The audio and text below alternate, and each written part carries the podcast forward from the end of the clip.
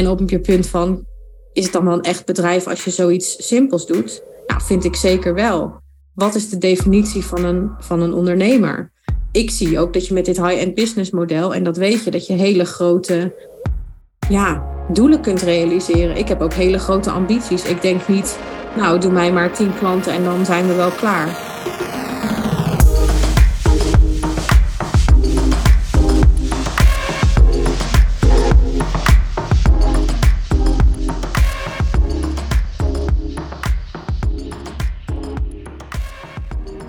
Met heel veel plezier ontvang ik deze aflevering weer een nieuwe klant in mijn podcast. Dit keer ga ik in gesprek met Julia Menheren. Julia is econoom en beleggingscoach voor gevestigde ondernemers. Dus heb je interesse in beleggen? Heb je interesse in financieel vrij worden? Of ben je het al, maar heb je andere ambities die maken dat je je vermogen wilt laten groeien, dan ben je in deze aflevering ook aan het juiste adres. En ik zeg heel bewust ook, want je hoort uiteraard ook in deze aflevering hoe Julia met het high-end business model sinds afgelopen zomer haar business totaal getransformeerd heeft. En daarmee vooral ook haar resultaten. Want daar is het ons uiteraard om te doen. Veranderen, transformeren het high-end business model is allemaal geen doel op zich. Zijn ook voor mij allemaal geen doel op zich. Wat ik voor je wil is dat jij zo simpel en winstgevend mogelijk je hoogste ambities waarmaakt. Nou, Julia is dat fantastisch aan het doen. Ik ben enorm trots op de stappen die ze de afgelopen tijd al gezet heeft en nog steeds aan het zetten is. Dus ik vind het fantastisch dat ze daarover wil praten met mij voor jou. Hier komt ze, Julia. Julia, van harte welkom in de podcast vandaag. Ja, dankjewel voor de uitnodiging. Leuk dat je er bent. We gaan het uh, hebben over um, wie jij bent als ondernemer, wat jij betekent. Je hebt een uh, bijzondere expertise, vind ik. Bijzonder waardevolle expertise ook. En we gaan het hebben over jouw journey als mijn klant de afgelopen maanden. Wat het je heeft opgeleverd om met mij uh, te werken, maar ook ja, je mag ook zeggen wat misschien wel heel erg tegenviel en zo. We gaan daar weer een authentiek gesprek van maken. Vertel eerst even, wat beteken jij voor jouw klanten als je wilt? Ja, ik uh, ben beleggingscoach en ik begeleid ondernemers om zelfstandig te leren beleggen in één keer één uur per jaar nadat ze met mij hebben gewerkt. En er zijn mensen en die denken daardoor, ja, ik val gewoon lekker met de deur in huis. Dat jij dus een soort scam bent, toch? ja, het klinkt um, misschien te mooi om waar te zijn. Ik denk de andere kant, wat veel mensen horen in de media, is dat beleggen heel moeilijk is en heel veel tijd kost. En dat zijn twee misvattingen die, denk ik, ook door de financiële dienstverleners in stand worden gehouden. Want daardoor denken mensen, nou ja, beleggen is heel moeilijk, ik kan dat niet zelf en het kost heel veel tijd en ik heb geen tijd. Ik laat het wel een ander doen die er meer van af weet. Uh, alleen het is gewoon niet waar. Je kunt heel goed zelf beleggen met een vrij uh, passieve strategie, met behulp van index-ETF's. Daar specialiseer ik me ook in. En dat hoeft niet meer dan één keer één uur per jaar te kosten. Als je er heel veel tijd in gaat steken, dan betekent het vaak dat je echt actief aan het traden bent en de markt probeert te verslaan. En de cijfers hebben gewoon uitgewezen dat is een spel dat niet te winnen valt. Dus waarom zou je daar je tijd, energie en geld aan verspillen? Is het echt nog zo dat dat vooroordeel ook bij jonge mensen heerst? Want ik heb zelf juist het gevoel dat, dat er een soort stroming gaande is waarbij jonge mensen helemaal niet denken dat het heel moeilijk is en heel veel tijd kost. Maar juist dat je er heel makkelijk slapend rijk van kan worden. Kom je die mensen ook tegen? Ja, die kom ik ook tegen. Uh, wel meer in de crypto-hoek dan in een andere hoek. Dus het is vooral crypto waar er hele grote successen zijn geweest en mensen hele grote succesverhalen hebben gehoord en daarop aangegaan zijn. En er zijn zeker mensen voor wie dat waar is geweest, die daar heel veel geld mee hebben verdiend met relatief weinig moeite. Maar er is altijd een andere kant van de medaille. Ik denk er zijn heel veel mensen zijn daar heel veel geld verloren. En heel veel mensen zijn daar ook heel veel tijd mee kwijt geweest met nou, technische analyses. Uh, wanneer moet je wat doen? De cyclus uh, van, de, van de coins en weet ik wel niet wat. En dat hoor je vaak niet. Dus het is ook een soort schijn verhaal vind ik vaak dat dat iets heel makkelijks is waar je veel geld mee verdient. Er zijn mensen die veel geld ermee verdienen, uh, maar dat geldt zeker niet voor iedereen, laat ik het, om het maar zacht uit te drukken. Ja. ja. Jij zit niet in crypto? Nee, helemaal niet. Nee. En wat vind je dan van mensen die, uh, die veel met crypto bezig zijn? Ik snij het even aan, omdat het nou eenmaal een hot topic is. Vind je dat wel slim of helemaal niet ook? Nou, het ligt heel erg aan de beweegredenen, vind ik. Wat ik niet slim vind, en wat wel veel is gebeurd, is dat mensen denken: ik wil gaan beleggen, maar beleggen op de beurs is heel moeilijk en ingewikkeld en daar valt weinig geld verdienen. En aan de andere kant heb ik zulke goede verhalen over crypto gehoord. Ik ga al mijn geld inzetten op crypto, terwijl ze eigenlijk niet zo goed weten wat ze aan het doen zijn. Nou, dat vind ik onverstandig. Tegelijkertijd denk ik, als je een portefeuille hebt, dus je denkt aan je beleggingsportefeuille en nou, daar neem je bijvoorbeeld heel veel ETF's in op. Dat is natuurlijk mijn expertise. Als je zegt, ik vind het leuk om met crypto bezig te zijn en ik ga een stukje van mijn geld reserveren als speelgeld en daarmee ga ik in de crypto, weet je, het leef je uit, zou ik zeggen. Dat vind ik helemaal niet erg of dat vind ik niet slecht of niks daarvan. En ik vind ook, crypto is niet alleen een valuta waar je in kan handelen, maar het is ook een technologie. En ik weet ook dat heel veel mensen dat interessant vinden. En dat snap ik ook. Het is ook heel erg interessant. Maar ik vind het niet verstandig om een hele grote uh, zak met geld erin te stoppen, wat een heel groot deel van je portefeuille uitmaakt. En te denken dat dat dan een veilige toekomst is. Dus als je met de goede intenties erin gaat en ook weet dat je daar heel veel geld kan verliezen, ja, het is je eigen keuze. Maar het is gewoon heel erg risicovol en weet dat. Ja, het is wel lastig hè, als, uh, als niet-expert. De meeste mensen die gaan beleggen zijn geen experts, neem ik even aan. Of de meeste mensen die gaan investeren. Het is best wel lastig toch om te bepalen, oké, ik heb zoveel geld en hoe ga ik dat verdelen? Iedereen zegt je moet spreiden. Oké, maar hoe dan en hoeveel dan? En hoe, hoe kijk jij daarnaar? En wat kun jij betekenen voor mensen die zeggen, ja, ik heb wel wat en, en ik wil daar ook wel wat mee. En ja, misschien zijn ETF's wel interessant, maar ik hoor ook iemand over vastgoed. Ik hoor dus ook hele goede verhalen over crypto. En ik vind dat inderdaad interessant. En ik wil me daar inderdaad in verdiepen. En ik, um, nou ja, wat kunnen we nog meer uh, verzinnen? Jij weet het beter dan ik. Er zijn eindeloos, uh, eindeloos veel financiële instrumenten, maar dat gaat vooral de laatste tijd over die. En zeker als je kijkt naar uh, ondernemers, daar is vastgoed ook heel erg hot om het maar even op mezelf te betrekken, ik zit 100% in index-ETF's. Ik vind dat, als je naar een portefeuille kijkt, gewoon het belangrijkste onderdeel. En waarom? Het klinkt ook als een niche, maar dat is het eigenlijk niet. Want met een index-ETF heb je eigenlijk een aandelenmandje op de beurs. Wat je in staat stelt als particuliere belegger om heel goed gespreid te zijn op de beurs. Wat heel lastig is om dat te bereiken als je zelf de beurs op gaat en losse aandelen gaat kopen en verkopen. Dus index-ETF's maken eigenlijk het hebben van een hele gespreide portefeuille op de beurs heel erg toegankelijk. Daarom vind ik dat dat een hele goede hoeksteen is van iemands portefeuille, zo niet 100%. Want het heeft een goed rendement. Ligt er ook aan welke allocatie je kiest. Dus ga je voor 100% aandelen ETF's of stop je daar ook nog andere dingen bij? Dat maakt natuurlijk uit voor het rendement wat je kan verwachten. En anderzijds heb je bijvoorbeeld dan vastgoed. Nou, dat heeft een wat lager rendement. Uh, en daar moet je best wel veel moeite in steken. En is het ook lastiger om daarin te spreiden.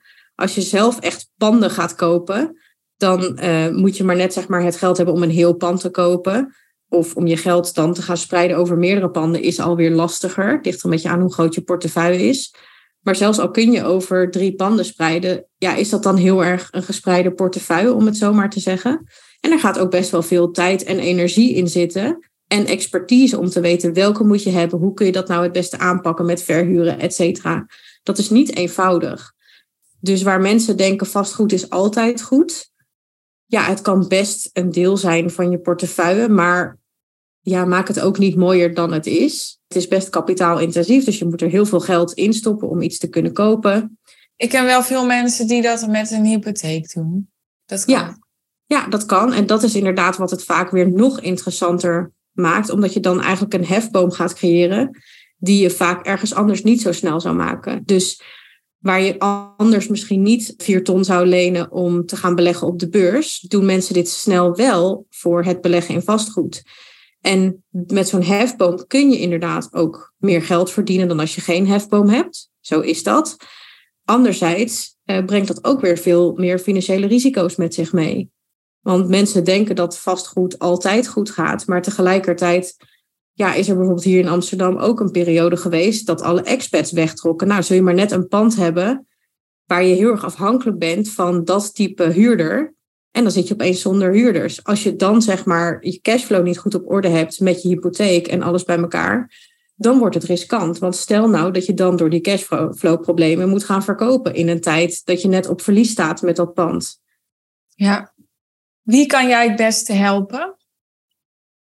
Ik help mensen, of eigenlijk voornamelijk ondernemingen, met vanaf 3 miljoen uh, budget om te beleggen. Dus je ziet, ik zie nu veel meer familie-BV's bijvoorbeeld, met dat soort uh, bedragen die al dan niet eerst ook bij vermogensbeheer hebben gezeten. En die zeggen, ja, ik vind dat eigenlijk ook gewoon zonde van mijn geld. Dus ik wil dat ook zelf gaan doen en het ook zelf beter begrijpen wat ik doe. Ja, dat is heel erg passend. Die maken dan ETF's een groot deel van de portefeuille. Uh, maar zijn vaak dan ook nog geïnteresseerd om uh, hun geld in andere zaken te steken. Dat kan vastgoed zijn, maar ook wat je veel ziet bij ondernemers is het verlangen om wat terug te doen naar andere ondernemers. Dus dat ze geld ook gaan steken in andere jongere ondernemingen. Deels met het idee om daar rendement op te maken, maar ook om andere ondernemers weer verder te helpen. En daar vind ik zo'n solide, gespreide hoeksteen als index-ETF's heeft daar een hele mooie plek tegenover bijvoorbeeld wat meer risicovolle beleggingen in start-ups, om het zo maar te zeggen. Ja, ja. ja. Oké. En um, wat als je geen 3 miljoen hebt, wat zou je dan adviseren om het verhaal even rond te maken, dit verhaal?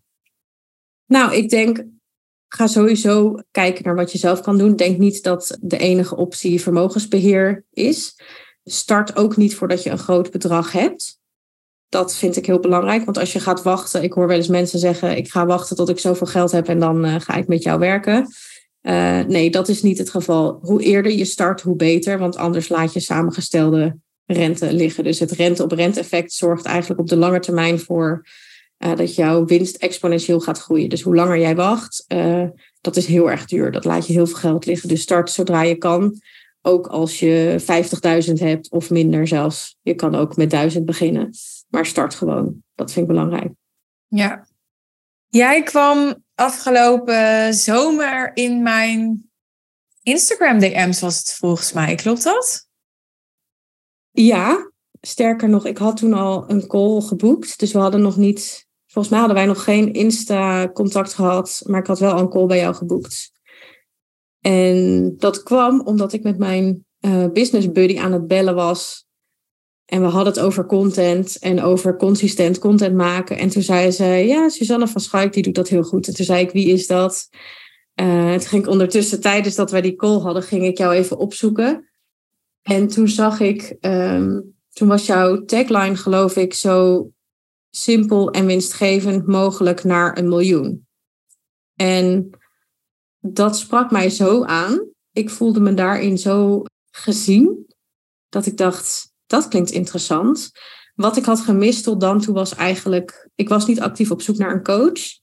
Maar ik, ik wist niet dat er nou echt coaches waren die zo expliciet waren in dat ze naar zulke hoge bedragen toe werkten met hun klanten in de online space. Dus waar je, wat je vaker zag was, ik help jou 10k per maand te verdienen. Dat hoor je best wel veel. Nou, ik vind dat gewoon niet heel erg spannend en niet heel erg aantrekkelijk. Maar ik had het gevoel dat ik bij jou echt mijn ambitie kwijt kon. En dat het er echt over mocht gaan. Van oké, je wil dus een miljoen verdienen of whatever het, het bedrag is. En dan gaan we dat gewoon regelen. Gaan we gewoon reverse engineeren hoe je daar gaat komen. En dat is gewoon heel simpel. En toen dacht ik, ja, dat spreekt me eigenlijk wel aan. Toen heb ik gewoon meteen een gesprek geboekt diezelfde dag. En toen zijn we een beetje in contact gekomen. Ja, want, want nu klinkt het alsof jij meteen helemaal verkocht was maar wat ik heb onthouden is dat jij eerst gewoon nee zei. Weet jij dat, nog? Ja. Nou, het punt was, eigenlijk was ik wel verkocht. Alleen ik uh, ging eigenlijk rationaliseren en andere dingen bedenken waarom ik het toch niet ging doen. Dus ik had het gesprek gehad. Ik was gewoon heel enthousiast en ik voelde al, ja, ik moet dit eigenlijk gewoon doen. Alleen was het best een grote investering. En dan ga je het daarna nog even met iemand anders erover hebben. En dan, uh, ja, toen werd ook het idee geopperd, waarom, als je dan toch zo'n bedrag gaat uh, investeren, neem je niet een coach die maar een fractie daarvan kost en investeer je de rest in uh, salesmensen en ga je gewoon een salesmachine bouwen. Ja, dat vond ik eigenlijk ook wel een verhaal wat ik even wilde verkennen. Uh, dus dat heb ik toen even uitgewerkt. Toen dacht ik, ja, dat kan eigenlijk ook wel. En toen heb ik dat gedurende, denk ik, één of twee weken ben ik daarmee aan de slag gegaan, zeg ik tussen aanhalingstekens. Uh, ik heb een coach benaderd en ik heb nou, mijn aanbod geprobeerd te verkopen. Maar ik voelde eigenlijk al van shit, ja, dit wordt hem gewoon niet. Uh, ik was niet blij met mijn aanbod. Ik zat in die sales call achteraf. Toen dacht ik, ja, had ik nou Suus maar gehad. En toen realiseerde ik me van, ja, um, ik had gewoon eigenlijk meteen ja moeten zeggen. En wat zit ik hier in mijn eentje te kloten eigenlijk. En toen heb ik weer contact met je opgenomen. Ja, ik weet het nog. Over die rationalisaties, hè? wat maakte dan dat je dacht... Oeh, nou, ik ga toch nog maar even verkennen of iets anders ook kan. Was dat dan de investering of was het iets anders nog? Nee, het was echt de investering. En wat ik daar van anderen op terug hoorde. Ja, ik merkte toch dat het best wel. Het is natuurlijk niet, niet iedereen, niet elke coach vraagt wat jij vraagt. Ik bedoel, je bent niet voor niks high-end uh, business coach. En ja, ik zit niet in een omgeving van ondernemers.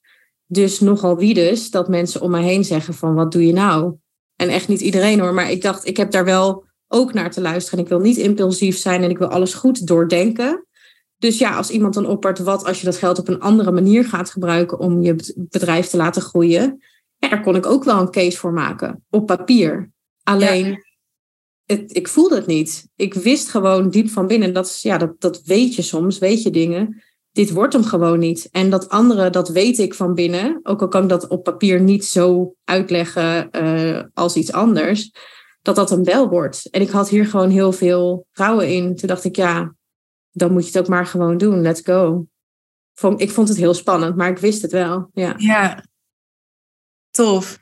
En kun je nog verder uitleggen wat dan precies maakte dat je er heel veel vertrouwen in had? Want het was dus niet zo dat je mij al jaren volgde. Dus wat heeft je dan het vertrouwen gegeven waardoor je kon voelen van dit, dit gaat hem gewoon worden? Ja, ik denk ten eerste voelde het een beetje als thuiskomen. Dat mijn ambitie er bij jou en bij jouw team er gewoon helemaal kon zijn. Dat je daar niet giegelig over hoefde te doen en dat jullie dat ook niet deden. Dat merkte ik namelijk aan mezelf, dat als ik met andere mensen sprak, dat ik als ik grote bedragen ging noemen over mijn doelen, dat ik daar dan een beetje bij ging giechelen. Omdat ik dacht dat andere mensen dat een beetje te hoog gegrepen vonden. Dus dat is heel veel zelf invullen, hè? maar en dat voelde gewoon heel anders bij jou en bij jouw team. Dus dat gaf me al een vertrouwen van als je ergens thuis voelt, dat voelt sowieso al, dat geeft vertrouwen. Maar dat is natuurlijk heel ongrijpbaar. Ik heb niet, ik heb wel ook echt heel veel geluisterd van je podcast. Ik heb ook nog met iemand gesproken uit jouw traject, omdat ik echt even alles wilde horen. En mijn indruk was dat je gewoon heel erg eerlijk bent. Dat je ook zegt wat misschien niet zo leuk is om te horen aan de persoon zelf, maar ook gewoon de minder leuke kanten van het ondernemen en dat sommige dingen nou eenmaal moeilijk zijn. Dus het vertrouwen had ik echt dat als jij tegen mij zegt, dit gaat lukken, jij hebt ongeveer deze expertise en dit plan, nou, dat moet wel kunnen. Dan wist ik op basis van alles wat ik van en over jou had gehoord, dat als je dat zegt, dat je dat ook meent. En dat vind ik belangrijk, dat, dat er niet ergens nog, dat ik hoef te verwachten of moet vermoeden dat jij misschien ergens nog denkt, nou, ik weet niet helemaal. Ik weet gewoon, als je ergens reserves over hebt, dan zeg je dat wel. En dat is ook nu mijn ervaring nu ik erin zit. Maar dat voel ik ook heel sterk aan de voorkant door de gesprekken met klanten die je bijvoorbeeld liet horen in de podcast. Mooi. En nu ben je er zelf. En nou ben ik er zelf. Ja, precies. Ja, ja. oké. Ehm, kun je iets vertellen over je vertrekpunt toen je instapte? Dus wat voor soort aanbod had je en had je toen ook al deze niche bepaald? Wat was je situatie? Ja, de expertise om mensen te helpen beleggen in één keer één uur per jaar, die had ik al. De niche en het aanbod nog niet. Dus ik had een online cursus en die was voor internationale tech-medewerkers. Want dat was mijn netwerk. Daar, dat was mijn carrière voor ik dit eigen bedrijf had. En ik realiseerde me dat ik had dat gekozen, het online cursusmodel, want dat is schaalbaar. En nou ja, overal zijn online cursussen tegenwoordig, dus het klonk hartstikke leuk en goed. Mijn ervaring was alleen dat ik het helemaal niet zo fantastisch vond en ook niet zo goed schaalbaar vond. En ik denk dat dat ook met elkaar te maken heeft. Want ik merkte naarmate de cursus groter en meer online met minder binding werd, wat gebeurt als je gaat schalen, ja, dat je dus ook het contact met de klant verliest en ook de impact die je maakt omlaag gaat. Zeg maar, er kwam op een gegeven moment dat ik mijn cursus had verkocht aan iemand en dat ik daar nooit meer iets van terug hoorde. En dat vond ik eigenlijk gewoon vreselijk. Ja, en vanuit die beleving is het ook niet zo heel erg gek dat ik ook moeite had om dat nog veel verder op te schalen. Weet je, het, het groeide echt wel, maar echt niet zo snel als ik had gewild. Dus die zomer, afgelopen zomer, het voelt als heel lang geleden, bedacht ik me wel, ik moet iets anders waarmee ik dat, die binding weer meer voel. En tegelijkertijd ook mijn bedrijf kan laten groeien. Dus ik kwam me heel snel uit op dat ik meer moest gaan vragen voor wat ik deed. En dan dus intensiever met klanten samen te werken. Alleen, ik had nog niet bedacht dat ik dat één op één met ondernemers ging doen. Ik kwam bij jou, ik weet niet of je dat nog weet, met het idee dat ik mijn expertise ging verkopen aan werknemers van werkgevers. Dus eigenlijk zou de werkgever mijn directe klant zijn en de werknemer mijn indirecte klant. Dat was mijn high-end idee. Alleen toen ik bij jou instapte, was dat een stukje idee waar ik die puzzel nog niet helemaal had gelegd. Want in die twee weken voordat ik daadwerkelijk ja zei, heb ik hiermee zitten worstelen van wat is nou die business case, dat het het echt waard maakt voor die werkgever om dit bedrag te investeren en tegelijkertijd de binding te houden met die werknemers en niet een soort van massaproduct te maken. Hoe zag je dat voor je? Dus um, wilde je dan werknemers gaan helpen met beleggen en wat was het belang van werkgevers dan? Het belang van werkgevers was dat financiële stress heel veel geld kost. Uh, uit mijn hoofd zeg ik iets van 15% uh, eh, van de loonkosten. Nou was het niet mijn geloof dat ik die hele 15% kon oplossen, maar toch wel zeker een stukje door iets van financiële educatie te bieden, beleggen en nog iets daarbuiten. Want ik ben ook wel ietsje breder dan beleggen alleen. Alleen toch, ja, maar ik kreeg hem toch niet rond uiteindelijk. Ik heb gesprekken gehad en als je, ja, als je echt impact wil maken en echt, een, echt die kosten voor de werkgever wilt verlagen, dan moet je veel impact maken op die werknemers. Alleen om dat te doen heb je ook veel begeleiding nodig. En nou ja, dat werd gewoon te duur voor wat het hen zou opleveren. Dus ik kwam er eigenlijk gewoon niet uit. ik kreeg het dus ook niet verkocht. En de vraag was toen ik bij jou kwam, ga, ga ik daar nog op een andere manier een andere draai aan geven, waardoor het wel lukt. Um, maar jij gaf me ook de mogelijkheid om het even helemaal open te gooien en er nog wat andere dingen naast te leggen. Van wat zou er nog meer kunnen? En toen kwam er toch opeens op dat je ook gewoon individuen één op één kan begeleiden voor een hele goede prijs. En daar werd ik gewoon veel vrolijker van. Dat ik dacht, ja, heel, dit wil ik gewoon super graag doen. Ik vind het heel erg leuk om mensen één op één te helpen. En toen, ondanks dat het misschien logisch was geweest, als je kijkt naar mijn netwerk, dat ik me misschien had gefocust op internationale techbedrijven. Ja, hebben we toen over gehad dat ja, als ik dit zoveel leuker vond, dat je dan maar in het diepe moet uh, springen en ervoor moet gaan. Ook al was, ja, waren ondernemers niet per se mijn netwerk op dat moment. Ik had wel een paar ondernemersvrienden, maar dat was het wel zo'n beetje. Interessant. Dus je maakte een pivot. Kunnen we dat zo noemen? Ik noem dat dan pivot. Ik denk dat de luisteraar wel weet wat ik daarmee bedoel. Ja, en uh, nou, vertel, wat gebeurde er toen? Nou, toen heb ik uh, mijn aanbod omgevormd tot wat het nu is. En dat is een jaartraject voor ondernemers. Waarbij ik ze een jaar lang begeleid in het zelfstandig belegger worden. Waar ik ze aan het begin heel erg help om alles up and running te krijgen en de basiskennis op orde te laten hebben. Dus het zwaartepunt van mijn traject ligt echt in de eerste twee, drie maanden. En daarna is er ruimte om te laten bezinken dat iemand belegger is geworden, om ook even te vergeten wat ze hebben geleerd. Om vervolgens na een paar maanden te gaan testen van kan ik nu zelf mijn portefeuille herbalanceren? En dan aan het einde van het traject kijken van, nou, hoe is het je bevallen? Wat vind je van de allocatie? Heb je daar nog gedachten over? Durf je meer risico te nemen? Wil je juist een portefeuille met iets minder volatiliteit? Dat soort vragen. En is er gewoon on the way, dus gedurende dat hele jaar, begeleiding van mij op aanvraag. Dus ik wil niet mensen vermoeien met wekelijkse vaste calls. Daar heb ik zelf ook niet zoveel zin in. En zeker drukke ondernemers niet. Maar ik wil wel dat ik er ben als het nodig is. En wanneer is het nodig? Bijvoorbeeld als de markt naar beneden gaat en mensen zenuwachtig worden en denken: moet ik toch niet alles verkopen nu? Dan hebben ze begeleiding nodig om te zeggen: oké, weet je nog wat de strategie was? En weet je nog waarom je niet wil reageren op de markt? En ze dan zeg maar grounded te houden.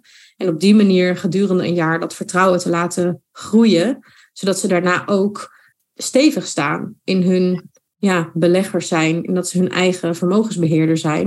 En dus ook niet zo makkelijk gaan zwabberen. En dat vind ik gewoon heel tof om dat op zo'n manier nu aan te kunnen bieden. Want dat kon ik eerder echt niet met een online cursus, maar ook niet met een coaching sessie of twee los. Dat werkt gewoon niet zo. Wat ik mooi vind aan dit verhaal is dat als mensen denken aan het high-end business model, dan denken ze vaak, en ik heb daar wellicht zelf ook een bijdrage aan geleverd, een belangrijke bijdrage misschien wel aan Oh ja, hoge bedragen. Weet je wel? Hoge bedragen. En uh, nou, ook dat dat dan één op één moet zijn. Dus één op één klanten die dan hoge bedragen betalen. En dat gebeurt nu bij jou ook. Dat is niet de enige vorm waarin je het high-end business model kunt toepassen. Maar dat is wel de vorm die jij nu met name hebt gekozen. Maar wat jij zo mooi in dit verhaal benadrukt, is hoe jij een manier vond door je aanbod te veranderen en je niche te veranderen, waarop jij veel meer tot je recht komt en veel meer vervulling ervaart en je expertise veel beter en um, effectiever kunt verzilveren en benutten bij je klant. Dat is iets wat met andere verdienmodellen veel minder makkelijk gaat, is mijn ervaring. En bij sommigen zelfs echt onmogelijk is. Je kan met andere verdienmodellen ook vrijheid creëren, veel geld verdienen. Niet altijd even makkelijk. Maar er is geen model, is mijn ervaring, die je op deze manier een gevoel van vervulling geeft en die je zulke dankbare klanten oplevert, omdat je echt daadwerkelijk hun leven hebt veranderd. Niet alleen doordat ze bepaalde resultaten hebben gehaald, maar ook doordat ze ja, door de transformatie waar jij ze doorheen hebt geholpen, een heel ja, persoonlijk ontwikkelproces zijn gegaan. Ja, dat ervaar ik echt zo. En dat is natuurlijk inderdaad wat ik net benoemde. Ik heb die andere businessmodellen met de online cursus heb ik geprobeerd. Ik heb losse coaching sessies gedaan ja, daar kwam ik ook niet zo goed tot mijn recht. En daar kon ik mensen niet optimaal mee helpen. En dat is gewoon heel erg frustrerend. Uh, want mensen betalen je wel geld, zeg maar. Of het nou veel of weinig is in jouw ogen. Ze betalen wel geld. En je wil wel dat, dat ze echt geholpen zijn. En dat, kon, dat ging gewoon niet goed. En ik vind mensen goed helpen echt super belangrijk. En als je dat minder belangrijk maakt, kun je makkelijker schalen door te zeggen, nou, dit is de kennis die ik lever in een online cursus zonder begeleiding en veel succes ermee. Daar zijn mensen ook echt wel een stukje mee geholpen. Maar als je zo sterk als ik dat ervaarde, uh, die binding mist en daar echt last van hebt, dan kun je ook niet goed opschalen. Nee, dat was ook gewoon mijn ervaring als ik terugkijk, is dat gewoon wat er, wat er speelde. Ja. Dus dit is gewoon veel fijner werken om echt te zien hoe mensen groeien, om echt te zien dat het niet alleen gaat om het beleggen zelf, maar ook dat stukje zelfstandigheid daarin ervaren en denken: wow, maar dit kan ik dus zelf en ik begrijp dit. Als het hierover gaat nu aan de koffietafel of waar dan ook, dan heb ik ook een verhaal te vertellen en word ik niet meegesleurd door elke crypto-verhaal dit of vastgoed dat, omdat iemand anders maar dat roept toevallig. Ja. Hey, ik begrijp het zelf en dat vind ik haast nog uh, toffer eigenlijk dan dat mensen er veel geld mee gaan verdienen. Ja, nog even voor iemand die misschien nu luistert en die hele goede ervaringen heeft met bijvoorbeeld een online programma verkopen, wat ik helemaal prima is. Een argument, weet ik, van veel mensen om dat te doen, is dat ze zeggen: ja, zo'n high-end aanbod, dat is gewoon niet voor de meesten. dus ik kan maar heel weinig mensen daarmee helpen. En ik wil de lagen daaronder ook kunnen helpen. Dus ik wil voor hen ook een aanbod hebben. Dus jij had ook kunnen zeggen: joh, ik ga niet alleen me focussen op dat high-end aanbod en op die één op één klant. Maar ik ga een soort trap maken. Een, uh, een, een ecosysteem noemen ze dat ook wel. Met een, een low-end aanbod, een mid-end aanbod, een high-end aanbod. Is dat iets wat je hebt overwogen? Um, nee. Ik heb voordat ik bij jou instapte, heb ik nog wel gedacht, ik ga eerst dan een beetje dat high-end zelf proberen. En dan hou ik die cursus aan. En als dat high-end dan heel erg goed loopt, dan laat ik, dat, dan laat ik die cursus los. Nou, dat werkt gewoon niet voor mij. Ik heb focus nodig. Dus waar sommige mensen misschien zo'n trap ook leuk vinden, dat is ook een leuk spel, snap je? Ik, ik kan ook de schoonheid ervan inzien om zo'n mooie trap te bedenken. En ik snap ook waarom dat interessant is. Alleen, ik heb gewoon keer op keer gemerkt hoe ontzettend belangrijk het is om te focussen. Ik heb dit bedrijf opgezet naast mijn baan. En ik heb gewoon echt moeten zeggen van, ik weet als ik dit nu serieus verder wil pakken, dan moet ik die baan loslaten. Het niet en en. Dit gaat niet naast elkaar groeien en bloeien. En dat ervaarde ik ook met die cursus of met het idee. Dus dat is ook waarom ik niet eens aan heb gedacht om een hele trap te ontwikkelen. Ook al zeiden mensen dat dat slim was. Veel te ingewikkeld. En je moet nog maar zien dat mensen ook daadwerkelijk die trap gaan beklimmen. Wat ik nu natuurlijk ook hoor, is van oké, dus jij helpt rijke mensen om nog rijker te worden. Ja, dat is zo. Laten we er ook niet omheen draaien. En tegelijkertijd deel ik superveel content uh, op LinkedIn vooral. En er volgen mij ook heel veel mensen die uh, niet het budget heeft uh, als de ondernemers die ik nu help. En die daar wel inspiratie uithalen. En dat is gewoon, dat weet ik, want dat hoor ik terug. Ja, dan help ik die mensen ook, denk ik. En ik denk ook dat het niet per se ieders rol is om iedereen te helpen. Weet je, er zijn ook mensen die andere niches bedienen. En zo wordt iedereen echt wel bediend. En ik kies toevallig deze niche. Zo zie ik dat. Dus daarmee zeg je eigenlijk ook van, ja, het is ook niet de bedoeling dat iedereen voor het high-end business model gaat kiezen. Dat is ook niet voor iedereen. Zeg je dat? Nou, ik denk als iedereen het high-end business model zou kiezen, dan zou er niemand meer zijn om mensen voor lagere bedragen te kunnen helpen. Nou, dat lijkt me niet wenselijk. Uh, en tegelijkertijd denk ik, als ik gewoon puur naar mezelf kijk, doe ik eigenlijk allebei. Dus ik heb betalende klanten in het, ja, in het hogere segment. En tegelijkertijd deel ik ook veel kennis en visie online voor niks. Voor iedereen met welk budget uh, hij of zij ook maar heeft. En daar kunnen mensen ook al een eind mee komen. Ja, dat is eigenlijk wat voor mij ook geldt, toch? Ja, ja, absoluut. En ik weet ook dat er bij jou echt mensen zijn die alleen al door het luisteren van jouw podcast grote veranderingen teweeg brengen in hun eigen business en bij zichzelf. Ja, ja. Nog even terug op die vorige vraag. Is het high-end business model dus niet voor iedereen? Ik snap, en ben ik ook met je eens, dat het niet wenselijk is dat we met z'n allen op die bovenste 10% gaan zitten. Want er moet altijd een soort piramide zijn, anders is er ook geen bovenste 10% meer. En als dan het high-end business model dus niet voor iedereen is of voor iedereen kan zijn, voor wie is het dan niet volgens jou en voor wie wel? Ik denk als je het heel moeilijk vindt om te kiezen, dan is het high business, high-end business model niet voor jou. En daarmee bedoel ik, als je het heel moeilijk vindt om voor één aanbod en één niche te kiezen. En daarbinnen is ook echt nog wel differentiatie mogelijk. Je kan natuurlijk ook wel, ja, heb je het natuurlijk ook over in je podcast, een bread and butter en een diamond aanbod. Maar nog steeds is dat natuurlijk best smal. Uh, als je het heel moeilijk vindt om te kiezen voor één doelgroep of voor één aanbod, dan zou je kunnen zeggen, dan is het high-end business model niet voor jou. En tegelijkertijd denk ik ook, Ik heb het hier ook wel eens over gehad uh, met business buddies. Ik denk ook dat er veel misvattingen bestaan over hoe saai het high-end business model is. Want hoe ik het persoonlijk ervaar, ik ben iemand met ja, heel veel creatieve ideeën en heel veel interesses.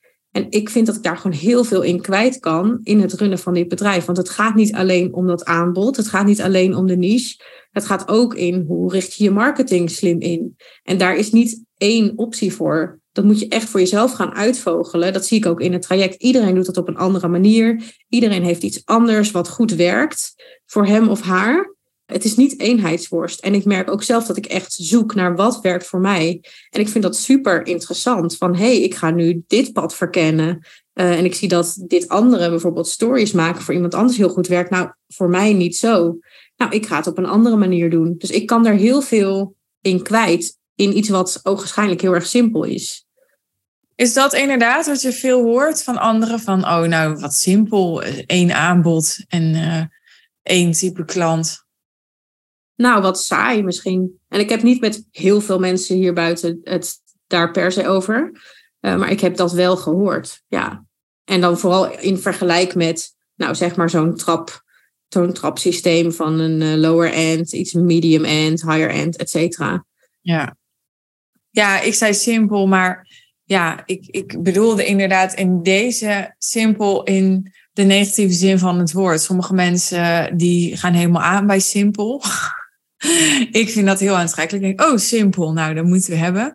Maar ik kom ook echt tegen, er zijn mensen die denken dat iedereen simpel aantrekkelijk vindt, maar dat is absoluut niet zo. Ik kom inderdaad veel mensen tegen die dat meteen associëren met saai en soms met oppervlakkig. Wat ik ook wel steeds meer hoor is uh, dat ja, alleen maar high-end klanten bedienen en maar één aanbod hebben. En dat dat niet echt ondernemerschap is. Als je niet een groot team gaat bouwen en um, ja, allerlei type klanten bedient met een verschillend aanbod voor elke klant. Hoe kijk jij daarnaar? Wat vind jij daarvan? Nou, daar ben ik het echt uh, mee oneens. Ik denk, ten eerste denk ik ook nog als het gaat om de behoefte van mensen om bijvoorbeeld veel verschillende klanten te bedienen en veel verschillend aanbod. Ik denk, vraag me ook altijd af in hoeverre is dat echt behoefte aan variatie en in hoeverre is dat niet durven kiezen, omdat je niet zeker weet wat het beste gaat werken. Ik denk eigenlijk dat 80% van de mensen die zegt dat ze iets saai vinden, dat het eigenlijk is, ik weet niet zo goed wat het beste gaat werken, dus ik doe eigenlijk maar een beetje alles. En dan is er heus nog wel een 20% die echt behoefte heeft aan het bouwen van verschillende funnels voor verschillende mensen, waar ze dan doorheen lopen. En dat complex maken, waar ik ook de schoonheid van inzie. Ik hou ook van systemen en ik vind het ook mooi. Maar het is heel erg complex. En best lastig lijkt mij om daar echt een heel uh, bedrijf op te bouwen. En op je punt van, is het dan wel een echt bedrijf als je zoiets simpels doet? Nou, vind ik zeker wel. Wat is de definitie van een, van een ondernemer? Ik zie ook dat je met dit high-end business model, en dat weet je, dat je hele grote ja, doelen kunt realiseren. Ik heb ook hele grote ambities. Ik denk niet, nou, doe mij maar tien klanten en dan zijn we wel klaar. Ik zie wel, ik vind mijn visie, wil ik graag dat meer mensen daarvan weten. Ik vind dat het eigenlijk heel gek is dat er niet veel meer coaches zijn zoals ik, die op basis van een platte fee andere mensen helpen uh, te leren beleggen. Tegenover de vermogensbeheerders, wat een soort van de default is. En daarin is mijn ambitie wel om echt veel groter te groeien, groter dan ikzelf. Dus dat er ook andere coaches bij komen om echt een tegengeluid uh, te geven aan ja. ja. de banken, de financiële sector, die allemaal een percentage vraagt elk jaar. Dus dat vind ik echt wel ondernemerschap om daar een model in te vinden wat schaalbaar is en wat uh, meer klanten bereikt en een groter publiek in het algemeen uh, trekt. Ja, dat vind ik wel ondernemerschap. Ja, ja heel even nog, want ik zit als ik deze gesprekken voer altijd een beetje op de plek van de luisteraar. En dan heb jij het over ja, het perspectief dat je nog ziet voor je bedrijf. En dat je niet denkt, oh, tien klanten en dan zijn we er wel. Maar de luisteraar, die is je misschien nu kwijt, want die denkt, ja, maar jij wilde toch één op één werken. En ja, je wilt toch ook niet je wilt toch ook beschikbaar dan zijn voor die mensen als je dan veel geld betalen. Dus hoe ga je dan, ja, wat is dan het perspectief voorbij die tien klanten? Hoe ziet dat er dan uit? Want misschien vinden ze het verhaal wel aantrekkelijk, maar denken ze ook, ja, ik, ik vind dus tien klanten ook niet interessant genoeg. He, ze hebben misschien meer perspectief nodig. Ja, en dat vind ik een terechte vraag. En ik denk dat daar komt ook dat stukje ondernemerschap kijken van oké, inderdaad, als je meer dan tien klanten wil en je wilt die één op één klanten goed helpen, dan hoe ga je dat dan doen? Nou, voor mij, wat ik voor me zie, is dat ik een aantal klanten per jaar vast kan helpen. En dat ik me bezig kan houden met het met marketing en het groeien van mijn bedrijf. En dat er andere coaches bij gaan komen die ook klanten één op één kunnen helpen. Dus dat die klanten wel al die aandacht krijgen die ze verdienen en waar ze ook voor betalen. En dat je het breder kan trekken dan jezelf. Want als ik alleen zou blijven, dan ja, dan kunnen er misschien 15 klanten zijn, maar dan houdt het wel een keertje op op dit niveau. Dus dan is de oplossing niet meer klanten op Julia en Julia gaat zichzelf, uh, ja, to spread yourself thin. Dan ga ik nog minder uur aan mijn klanten besteden. Nee, dan is het zaak om er andere coaches bij op te leiden volgens dezelfde visie en dezelfde kwaliteit. Nou, dat lijkt me nog best wel een uitdaging, maar zo is je perspectief opeens veel groter. En natuurlijk kun je ook denken aan groepsprogramma's. Uh, daar heb je het ook wel eens over. Eh, maar er is gewoon, er is veel mogelijk. Ja, je kan gewoon creatief gaan denken. En als je het hebt over perspectief, ik kwam al binnen met een pers, ik kwam binnen met een perspectief van ik ga x aantal klanten helpen en dan zien we het wel. En mijn perspectief binnen de Real Deal is al echt verveelvoudigd in de afgelopen maanden. En dat vind ik echt heerlijk. Dat als het eenmaal een beetje begint te landen wat je aan het doen bent en de veranderingen die je hebt doorgemaakt, dat je dan ook weer opent voor meer. Dat je dacht, oh, ik dacht al dat dit misschien het maximale was voor dit jaar, maar laten we gewoon ja, dat veel verder trekken. Dat kan ook gewoon. En dat is echt voor je zien en daar naartoe werken. Ja. Kun je concreet maken wat nu je doelen zijn op wat voor tijdspad en hoe dat veranderd is in het afgelopen half jaar? Ja, zeker. Jij zegt altijd maak een good, great en best goal. En ik kwam binnen met het best goal van een half miljoen. En nu hadden we het laatst over anderhalf miljoen. En toen op een gegeven moment ging ik, gingen we het ook hebben over prijzen verhogen in de toekomst. Ja, en dan heb je het opeens over boven de 3 miljoen. En ja, het is gewoon, het is nog een beetje wennen, moet ik zeggen, omdat je dan binnenkomt met een bedrag wat je al heel wat vindt. En dat je nu denkt, ja, maar waarom ook niet? En dat vind ik zo fijn dat daar zoveel ruimte voor is. En dat, ik, dat we daar hier niet giegelig over hoeven te doen. Want laten we even wel wezen, er zijn natuurlijk ook omgevingen waar als je dat soort bedragen noemt, ook niemand blikt of bloost. Dus dat is gewoon heel erg fijn dat je binnen kan komen met een perspectief en dat dat ook nog kan groeien. Dat je dacht van, ik dacht al dat ik groot dacht, maar doe er nog maar wat bij. En daar stimuleer jij mij ook echt in. Ik weet nog een coaching call een maand geleden. Toen ging het volgens mij over een miljoen. En toen zei je, ja, maar uh, zoveel salesgesprekken met deze prijs. Ja, waarom hebben we het niet over anderhalf miljoen? Toen dacht ik, ja, bedankt. Dit is waarom ik in de Real Deal zit. Thanks, zus. ja.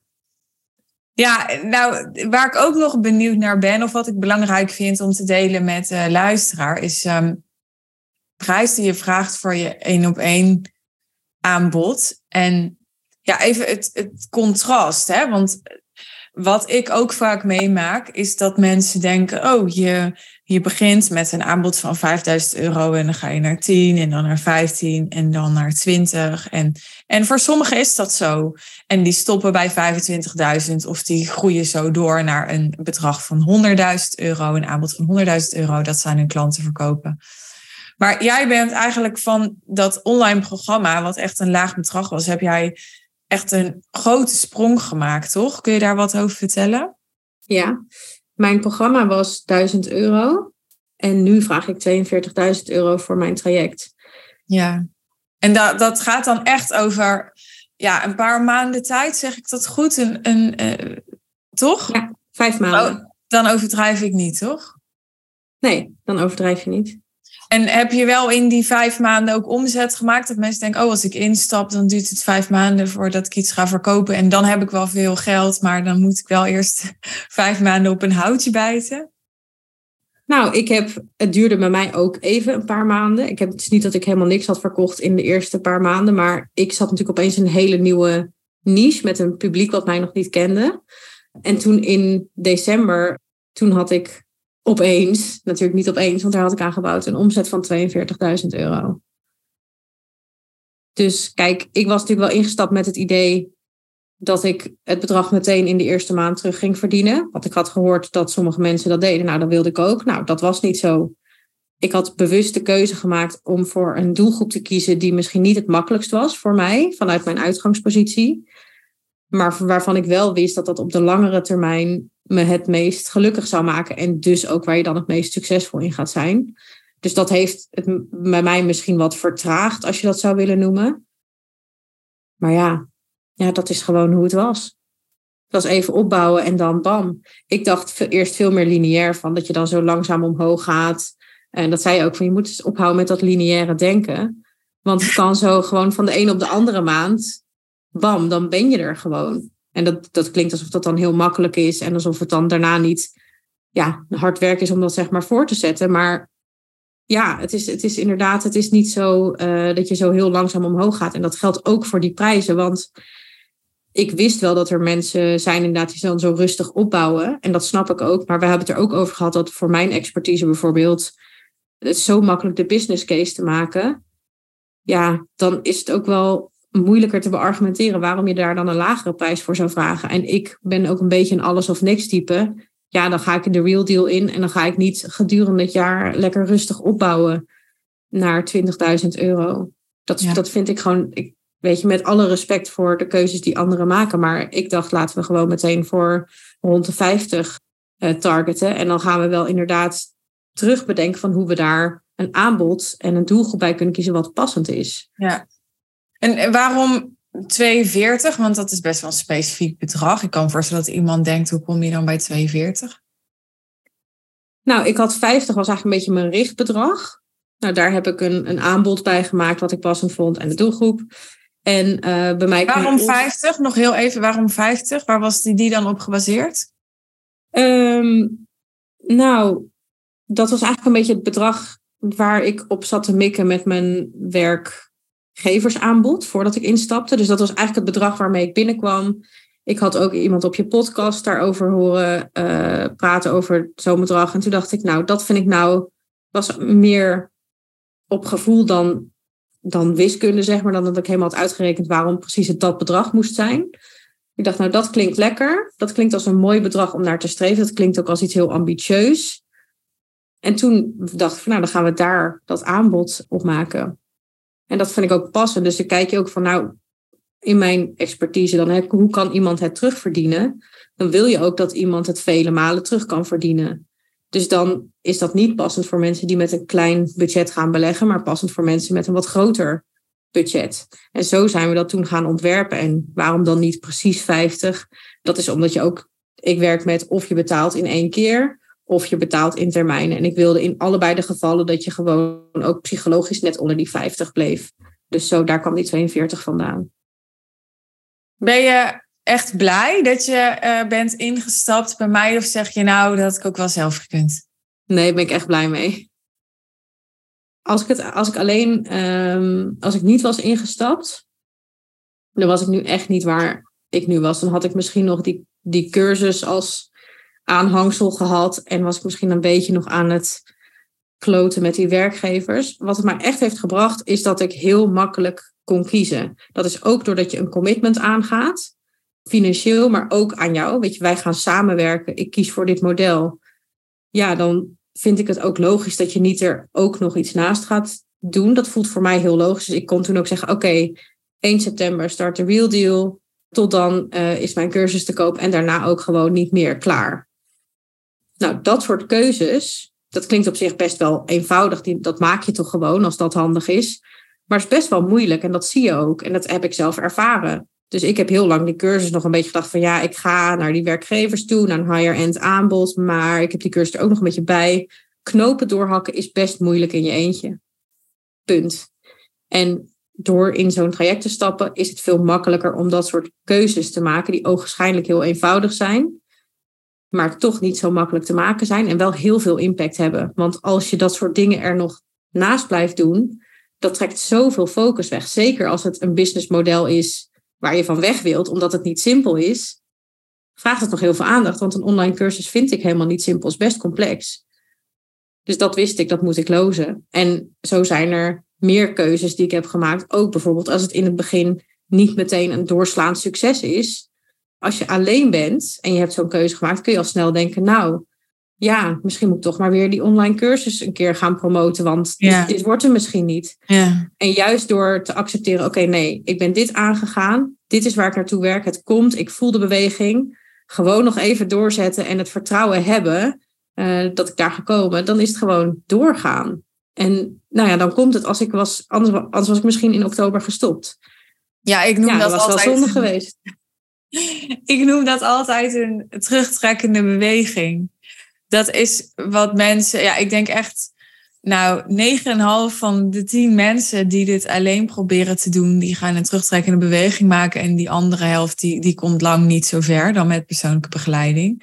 Dat, ik, ik zeg altijd in salescast, ja, ik ken gewoon letterlijk niemand die heel succesvol is of is geweest met high-end business model, die dat zonder persoonlijke begeleiding heeft gedaan. Ik heb dat zelf ook nodig gehad. Wat zij omschrijft, herken ik heel erg als je hebt een omgeving nodig waarin je ondersteund wordt, gestimuleerd wordt, geïnspireerd wordt, aangemoedigd wordt. Want ja, in je eentje is het, je bezwijkt gewoon in de, je bezwijkt onder de twijfel. Dat, dat is mijn ervaring. Je wordt gewoon opgegeten door de twijfel. Hè? Zeker als je niet een heel team hebt. Je zit bij spreken je eentje de hele dag op kantoor. Ja, je moet wel echt heel sterk in je schoenen staan. Wil je dan best wel onconventionele keuzes maken? Want dat doen wij eigenlijk allemaal als zijnde klant van Sissel Schuik. Uh, en dan daar continu in blijven geloven, ook als het tegen zit, ook als je tegenslag krijgt, want dat krijg je, dat krijgen we allemaal. Dus die omgeving is essentieel, vind ik, hè, is mijn ervaring. Maar dat heb jij ook zo ervaren. Ja, dat is precies uh, wat ik heb ervaren, wat ik inderdaad bedoelde. Het is inderdaad die twijfel, ja, die gaat echt wel komen. En ik moet eigenlijk zeggen, ik heb die twijfel niet gehad doordat ik in de real deal zat. Maar ik heb die twijfel daarvoor gevoeld. Toen ik zo aan het zweven was tussen twee dingen. En ik merkte dat als je dat doet, dan kom je eigenlijk helemaal nergens. Dus ik weet, je hebt te kiezen. Maar inderdaad, om dan sterk te blijven staan met dit wordt hem. Ik heb hier nu op ingezet. En ook al verkoopt het niet als warme broodjes van dag één. Ik moet nu wel doorpakken. Dat is zo belangrijk. En je ziet het bij mij. En je ziet het bij andere mensen in de real deal ja, bedenk gewoon maar eens wat het dan had betekend als je het zelf al zo ver was gekomen, maar dan net een maand eerder was gestopt voor die doorbraak. Ja.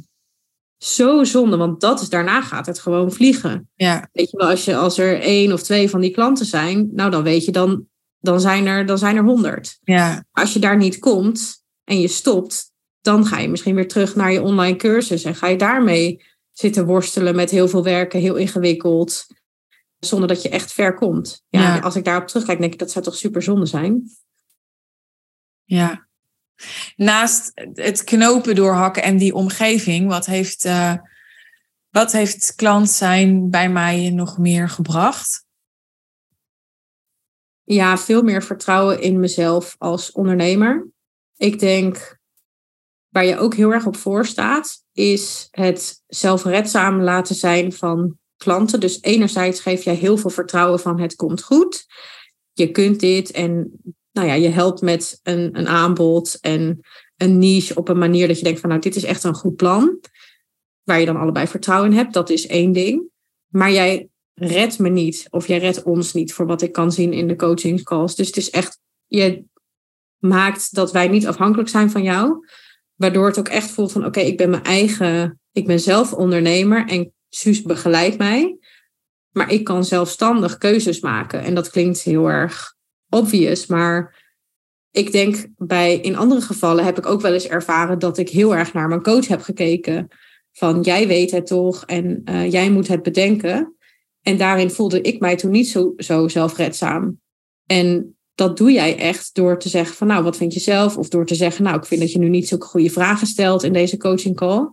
Uh, dat is op dat moment zelf misschien niet zo leuk, maar dat is echt zo belangrijk, omdat dat je ook het vertrouwen geeft dat na een samenwerking dat je het ook alleen kan. En dat is zo belangrijk, dat mijn succes hangt nu niet af van jou, zo voelt dat niet. Maar ik vind het wel heel fijn om in de real deal te zitten, omdat ik wel weet hoeveel verder dat me brengt.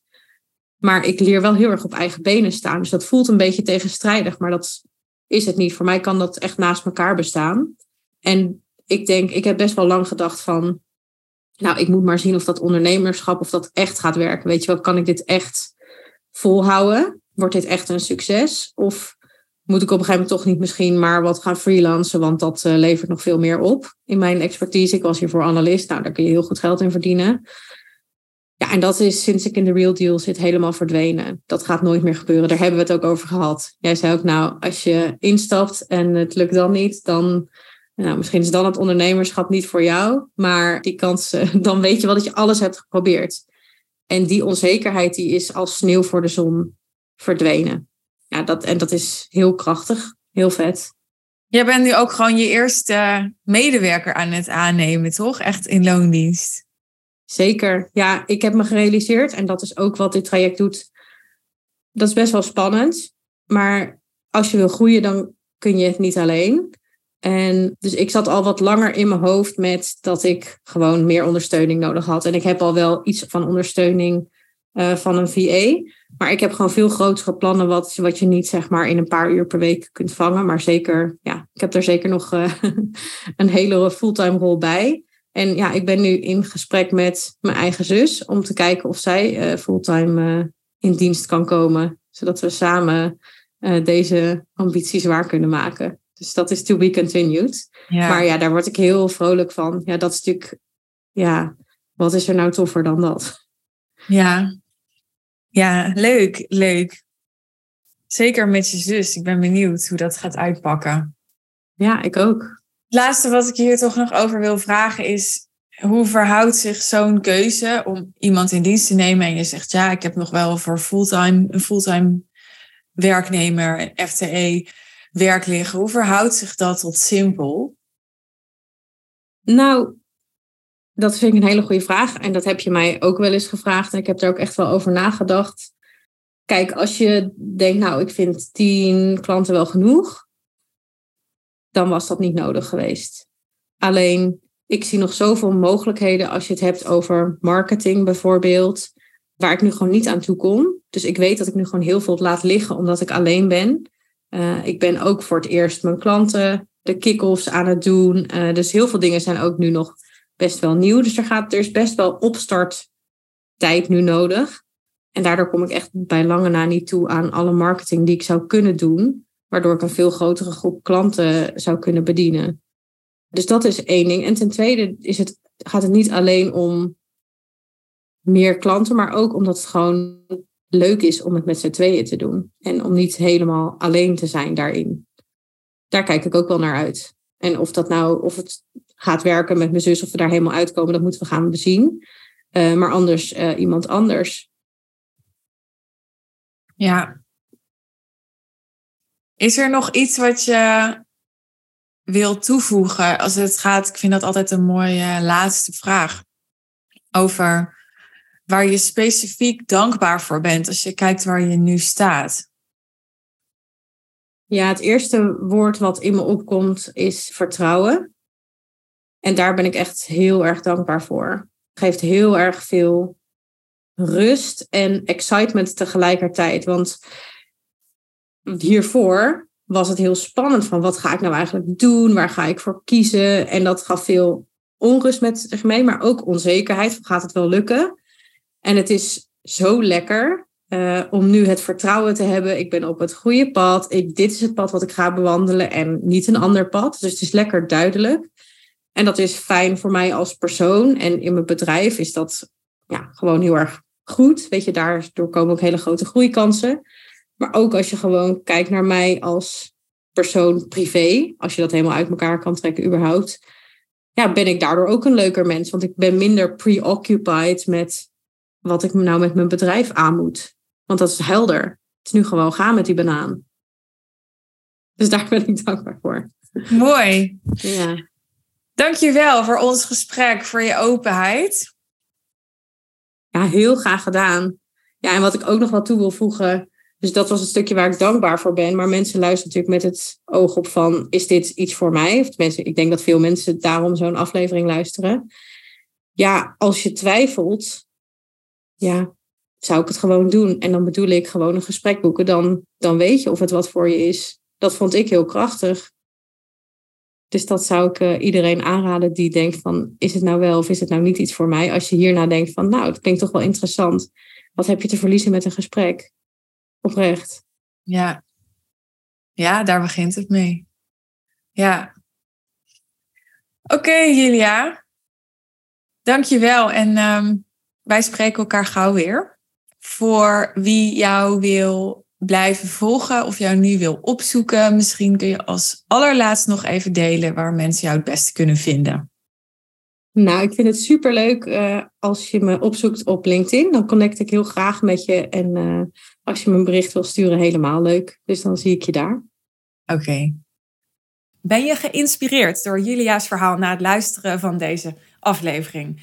Nou, top. Dan hebben we iets goed gedaan. Ik ben blij dat je tot hier gekomen bent.